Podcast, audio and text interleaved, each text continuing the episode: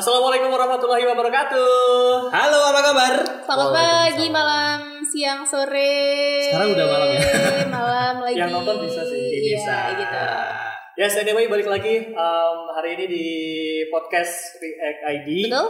Um, mungkin suara yang biasa cuma tiga orang ya. Ya, Iya. Kita ada satu suara yang luar biasa. Suara goib. Suara enggak, enggak dong ya. Jadi kita ada kedatangan tamu buat Yes. podcast hari ini. Um, bakalan ngebahas juga tentang profesi si narasumber ya. Betul. Yes, betul Iya, banget. hebat. Sebelumnya kita kenalan dulu. Oke, Ya, seperti boleh, biasa boleh, ada aku Andika. Dan ada Nahida Palupi juga di sini. Ada Duta Dewanata. Ya, dan the special one.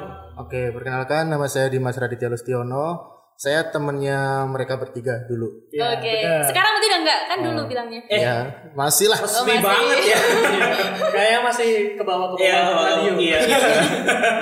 Kita dulu pernah satu radio ya. Yes. Iya, betul. Eh, sama-sama di radio yang sama. Makanya tadi waktu opening pengennya keep on sobu asri forever. Assalamualaikum warahmatullahi wabarakatuh. Iya. Iya. Buka dong saya. Oh, iya. Itu kayak radio di mana ya?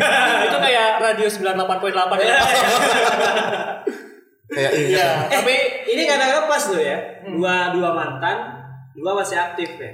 Iya, Iya, iya, betul. bener kan? Iya. dua mantan dua masih aktif dan sekarang eh, Mas Dimas ini udah beralih ke profesi yang lain. Iya. Iya. Dan beda banget ya dari Iya profesi benar banget tapi sebenarnya justru itu profesi yang sesuai sama studinya dia. Iya, betul, Yes. betul, betul. Iya kan? Iya benar Iya. banget. Oh. Jadi studinya adalah Dulu tuh studinya keperawatan. Keperawatan. Ya, mulai kuliah dari 2010 terus lulus tahun 2018. Hmm. terus Iya. sebelum kita masuk ke keperawatan ya, Ah. penasaran juga sih kenapa justru nyangkutnya ke penyiar dulu. Iya, iya, iya. iya. Oh, gitu. Jadi kan dulu tahun 2014 itu aku ada di masa tugas akhirku selesai Ah. ya, tapi aku belum wisuda gitu. Jadi masih ada waktu lama. Terus akhirnya waktu itu iseng main di radio yang tadi kalian sebutin tagline-nya itu. Ah. Ya, terus ada yang bilang katanya ada penyiar yang resign gitu. Ya udah, terus coba-coba aja. Ah, pengen nih jadi penyiar nih. Kayak- Ah. Karena dulu kan Dimas punya sertifikat public speaking. Hmm. Eh begitu dicoba ternyata sempat deh punya pengalaman siaran di situ. Ini Kayak gitu. Keren ya. Oh. Keren. Punya Pak, punya sertifikat loh. Dia Kalau dia dia sering itu ngisi-ngisi juga kayak namanya workshop gitu Oh, kan ya. gitu Iya, ya. iya, Iya betul, pernah sih, pernah ya. pernah Iya, sih. iya. Oh, Sering pernah. Kalau kamu siapa? Isi hati seseorang ya. Iya, tapi itu juga dibuang. Iya nanti ya, kembali lagi ke situ ya selalu ya. Iya dan eh, Dimas ini juga kebetulan aku sering ketemu kayak di kegiatan sosial gitu ya. Hmm. Jadi em, kalau ada kegiatan sosial kita sering ketemu juga. Jadi di luar siaran, di luar kegiatan eh, itu kita juga sebenarnya sering ketemu, ya kan? Iya. Ketemuan berdua. Iya, Ya, Oh, ketemuan. So sweet ya. Iya sebelum kamu kan. Oh. Oke oke oke. ya jadi em, nah sekarang kita mulai geser ya karena Ya. sekarang kan eh, Dimas juga udah jadi seorang Perawat. perawat, Mm-mm. ya kan. Nah sebenarnya dia udah jadi apa ya keresahanku juga. Jadi Hmm. kemarin aku baca artikelnya Dimas yang Hmm. soal kalau perempuan kan eh, perawat perempuan, sorry kalau perawat perempuan kan bisa dipanggil suster. Yes. Betul. Sering dipanggil suster. Nah kalau perawat cowok, apakah dia dipanggil master? Enggak dong. Iya kan? Iya, iya. Iya kan? Tapi keren juga sih dipanggil master ya nggak? Kayak master master Enggak, gitu, itu lebih kesannya. kayak limbat. Oh, bayangannya kayak limbat gitu ya? Iya. Oh iya sih. Ya, Terus sebenarnya ada apa sih gitu? Oh iya, jadi eh, sebenarnya dulu sejarah lamanya gitu eh, untuk menjadi seorang perawat itu mereka agamanya itu non muslim. oh, harus Oh, harus. termasuk pakaiannya juga. Nah, ya? terus Iya, pakaiannya. iya, benar-benar. Pak. Jadi sebutan suster itu sebenarnya kan merujuk ke biarawati dulu. Iya, oh nah, iya, iya. mereka yang menjadi biarawati itu eh, mereka ternyata ada yang tergerak hatinya untuk merawat orang-orang yang sakit. terluka ya, yang sakit juga, yang sakit dan yang terluka setelah perang. Perang. Seperti itu. Oh, gitu. Akhirnya eh, banyak di antara kita atau masyarakat di dunia dan di Indonesia khususnya kalau manggil perawat itu sebutan suster. Suster, Iya, ya. Kayak gitu. Nah, kalau untuk laki-laki sendiri ada sebagian yang memanggilnya bruder. Apa tuh? Bruder, bruder itu sebenarnya ya merujuk ke biarawa, biara, biarawan, sorry. Ya. Kalau perempuan itu kan Biarawati. biarawati. Oh, iya. iya. Nah, kalau laki-laki itu biarawan. Kayak gitu. Sebenarnya itu sih. Uh, cuman gitu ya. kalau Dimas lihat merujuk ke masa lalu gitu, sebutan suster itu bener-bener masyarakat paham itu dari sinetron justru. Iya Iya, sih, iya, iya betul, iya kan? betul, betul, betul. Karena dari si- sinetron Warkop ya, menurut Ah, iya, Bener, suster, Iya. sus sus ya. Bener-bener. Banyak sih kayak sinetron di TV hampir semua kalau manggil perawat juga Suster ya? Iya, suster, gitu. Bahkan itu sampai banyak masyarakat yang menggeneralisir semua profesi yang ada di rumah sakit. Kalau laki-laki itu dokter, kalau perempuan itu suster, walaupun ya perempuan itu dia profesinya entah apoteker, Ah, gitu. bahkan mungkin ada dokter yang dia mungkin baru lulus kayak Yes. gitu pakai jas putih. Putih ya. Ada yang manggilnya suster juga. Tapi begitu ada perawat laki-laki yang sedang melakukan tindakan pasti bilangnya terima kasih dok. Kayak. Oh, gitu. Iya benar-benar. Ini fun fact juga sih ya. Jadi Iya, betul. aku juga dulu waktu maksudnya waktu masih ya usia anak-anak gitu kali ya. Hmm. Jadi eh, kayaknya perawat itu pasti cewek deh. Iya. kan? Iya, betul. Aku Iya juga kan? mikirnya gitu sih dulu Iya, sih. Tapi setelah eh, ternyata kita makin dewasa, bukan tua ya, makin dewasa, ternyata kita nemuin teman-teman kita juga banyak yang perawat tapi dia cowok. Iya, Ya benar kan? Nah di situ baru sadar, oh iya ya ternyata perawat nggak cuma cewek tapi ada cowok juga. Tapi ya balik lagi sih kayak yang diangkat ke layar lebar atau mungkin ke eh, sinetron dan lainnya, kenapa selalu perempuan? Apakah karena ya karena dia nyari visual doang gitu kan Oh. atau gimana sih sebenarnya? Kalau menurut Dimas itu karena profesi perawat itu kan di awalnya gitu, itu menekankan yang namanya mother instinct.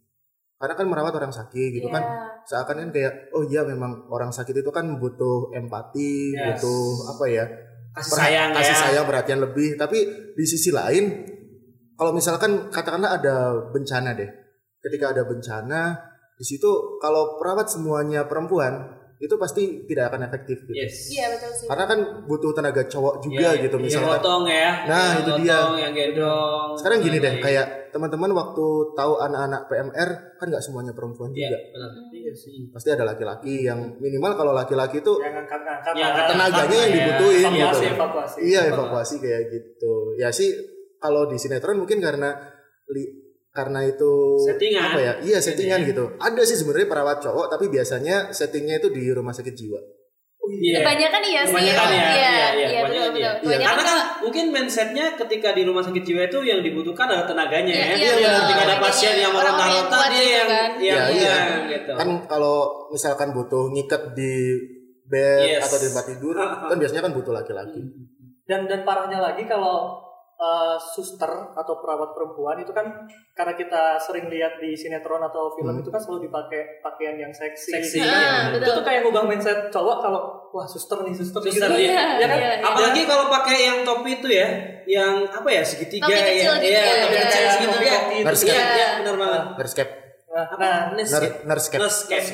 Iya. nah, kalau sebenarnya di dunia nyatanya em, apakah dulunya emang pakaiannya sebegitu seksi kah atau sebenarnya biasa aja sih. Kalau dulu itu ya sama halnya kayak Dika dulu SMA tahun berapa? Eh, SMA 2018 Seribu empat lima, baru lulusan 2 tahun ya Eh, coba kalau kita lihat sebelum tahun 2010 seragam cewek SMA yang nggak pakai jilbab rata-rata pasti kan pendek. Yes. Tapi pendeknya sih. itu tetap dalam tanda kutip sopan gitu, Iya. sopan versi Indonesia. Sebenarnya kayak gitu juga sih Sama dulu. aja ya Oh, tetap tetap rok pendek tapi di bawah lutut kayak gitu loh. Jadi tidak seseksi itulah. Bahkan sekarang di rumah sakit internasional aja rata-rata itu perawat perempuan mereka sudah pakai celana. Iya. Iya, karena dinilai dari kegesitannya. Jadi kalau misalkan ada kasus kegawat daruratan, mereka bisa sigap untuk Langsung memberikan ya, kalau- gerakannya lebih fleksibel Iya. Ya, fleksibel sana sih sebenarnya emang. ya daripada Gak harus gak harus ini ya ninting rock gitu ya. Iya, Kayaknya nggak gitu. mungkin nenteng juga sih kalau pendek, nggak mungkin kayak nenteng. Ya kali aja. berarti itu cuma kayak di ya dibuat untuk keperluan sendiri Ah, gitu. itu Ah, untuk keperluan ini aja visual versi sutradara aja sih kalau menurut Mas. Cuman sebenarnya ada kayak peraturan nggak sih kalau misalkan eh, perawat itu roknya harus eh, kalau misalkan iya ada peraturan kayak SMA kan ada tuh sebenarnya Hmm. kalau eh, Betul. misalkan roknya nggak panjang harus di bawah lutut dan sebagainya. Kalau perawat sama nggak sebenarnya? Itu tergantung dari instansi sih. Oh. Oh, kalau sekarang kan instansi kayak PNS, kalau setahu Dimas ya PNS sekarang itu kan nggak boleh rok pendek. Mm-mm. Oh, itu kan- eh, jadi kalau misalkan dia jadi perawat di instansi rumah sakit negeri, biasanya mereka cuman boleh kalau bawahan gitu ya, itu eh, celana panjang atau rok panjang, entah Oh. dia berjilbab atau enggak. Oh. Kayak gitu sih aturannya. Setahu Dimas. Kalau misalkan dia di rumah sakit internasional, itu kembali lagi versi mereka gitu, karena mereka mengikut peraturan versi yayasan. Jadi aturan bakunya ya ngikutin ini sih instansinya. tergantung ya Berarti seiring berjalannya waktu yang dulu di atas lutut lah katakanlah tahun mungkin tahun 70-an, 80-an di atas lutut yang uh, mindsetnya adalah orang-orang yang seksi, Ah. seksi gitu ya. Itu mungkin seiring dengan berkembangnya zaman jadi kayak ini ya, udah tertutup ya. Maksudnya ya, ngikutin juga kan maksudnya kalau kayak anak sekolah juga itu kan dulu di atas lutut, di bawah lutut. Kalau Ah. sekarang Ah. diwajibkan sampai bawah ya. Ah. Kalau kan? khusus di Wonosobo. Khusus di Wonosobo, ya. ya. Kalau itu sih Kebanyakan. sem- sepengetahuan Dimas itu emang instruksi dari gubernur sih. Ah, untuk sekolah negeri kalau swasta lah Dimas nggak tahu. Iya sih.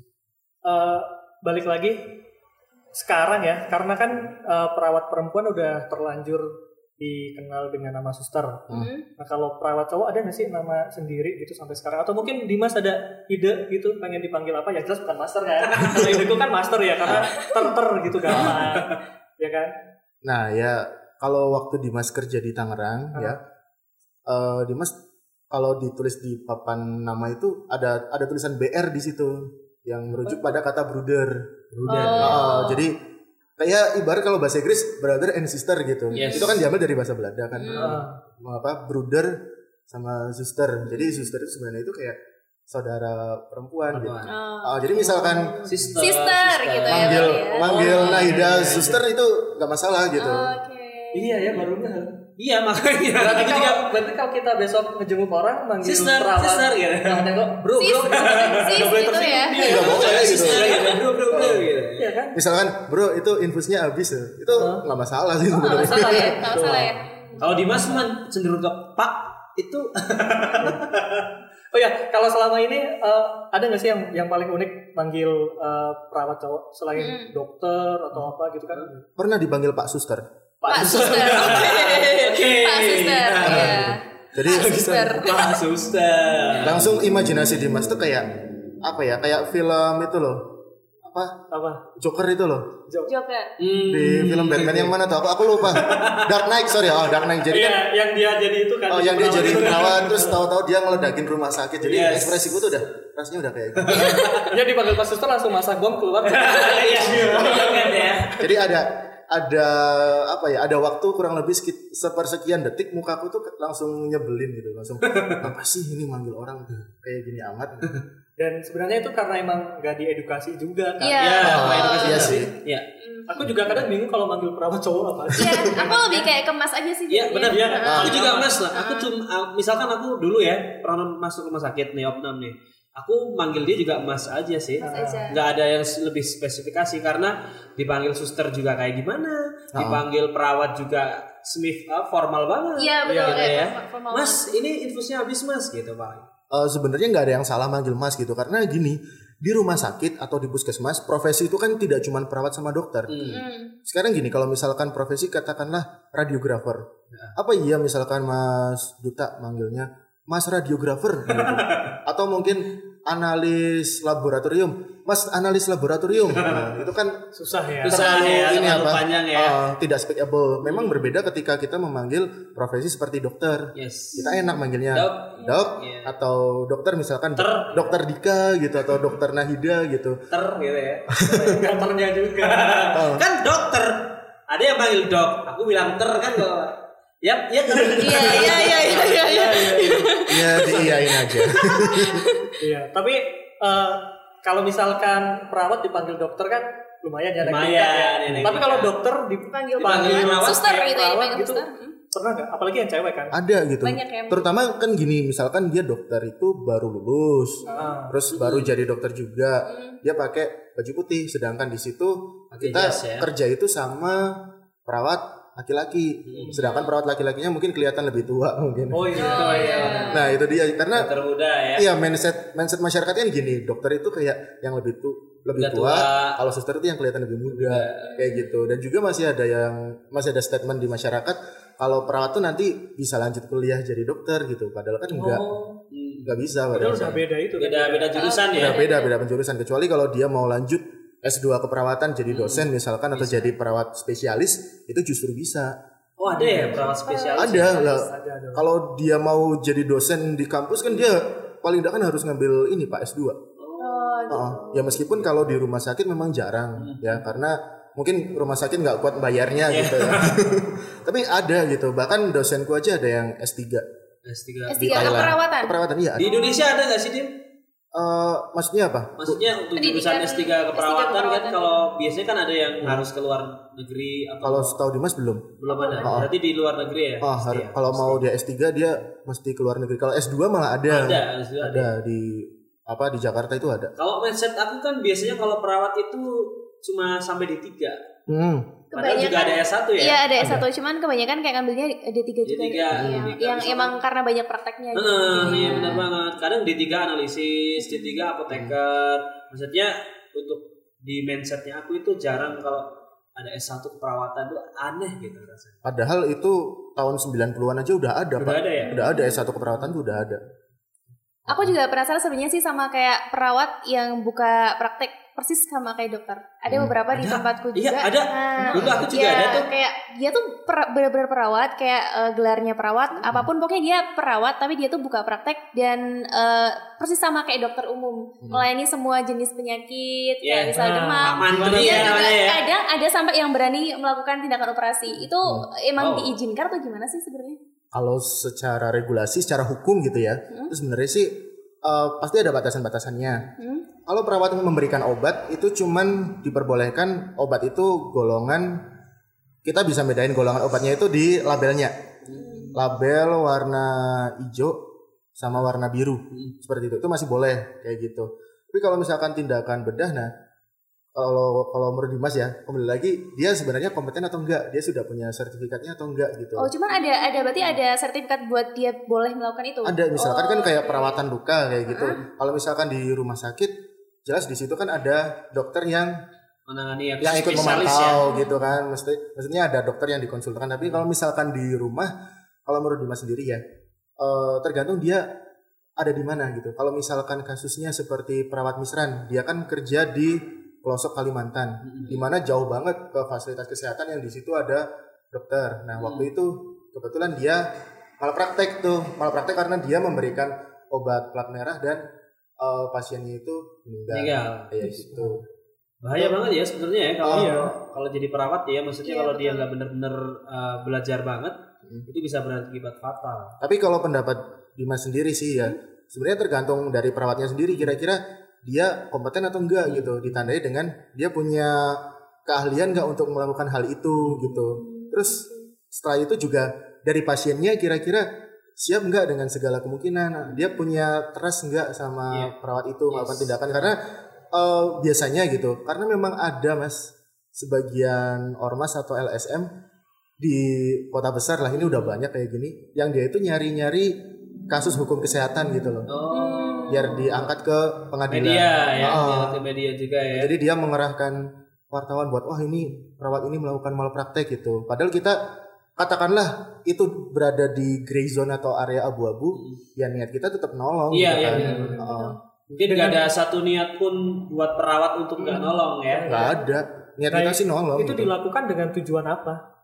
Maksudnya kenapa LSM di, itu? Iya dicari celah-celah yang kayak gitu. ya karena kalau itu udah sampai pengadilan kan mereka bisa ngancem duit pak Oh, iyalah, cari keuntungan. dia kan nyari keuntungan Oh, pasti. oke. Karena mungkin dia nggak laku, Hmm. ya. Dengan caranya mungkin nggak laku. jadi misalkan pak ini laporan akan saya tarik tapi kalau ada hmm, Hmm. Oh, Oh, gitu. kalau ada cuan gitu Ada cuan mesti. Oke, berarti kesimpulannya boleh ya kalau misalnya perawat membuka praktek itu asalkan udah memenuhi kayak sertifikasi Boleh. dan lain sebagainya gitu. kan ada ini ada surat izin praktek perawat juga Oh, berarti nggak cuma sih. bidan aja ya? Aku pikirnya cuma bidan sama dokter aja yang Iya, boleh buka betul praktek banget. gitu. boleh cuman memang regulasi reg- jarang dan regulasinya sekarang Susah. memang agak agak ribet juga Oh, oke. gitu jadi kalau misalkan eh, dia butuh perawatan luka yang memang katakanlah luka yang tidak terlalu lebar lukanya Hmm. kecil kalau misalkan dia mesti ke rumah sakit habis biaya transportasi Besar dong ya. Iya. Iya. ya kan ya udah cari aja yang ya. dekat. Oh, oh, karena dari segi kegawatan kita kan bisa menilai oh ini kayaknya lukanya nggak nggak gawat banget nih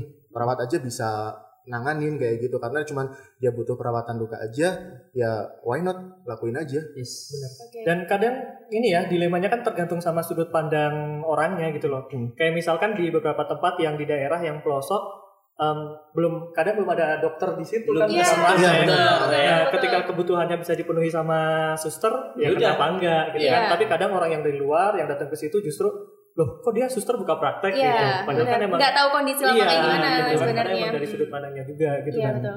Eh, balik lagi ke permasalahan yang nama panggilan tadi suster ya. Hmm. Aku juga sebenarnya agak bingung juga karena di sinetron kan kita cuma dikasih tahu oh ya itu perawat perempuan suster. Hmm. Sedangkan kalau ada kayak tayangan eh, perawat cowok nggak pernah dipanggil kan? Iya, Pak. Nggak pernah gitu ya. kayak master apa apa nggak pernah kan? Nggak, kayak diam aja gitu Nggak. kan. Nah eh, kalau dari Dimas sendiri pengennya dipanggil apa sebagai kamu pribadi gitu pengennya dipanggil apa? Aku sih pengennya dipanggil penyiar boleh nggak sih?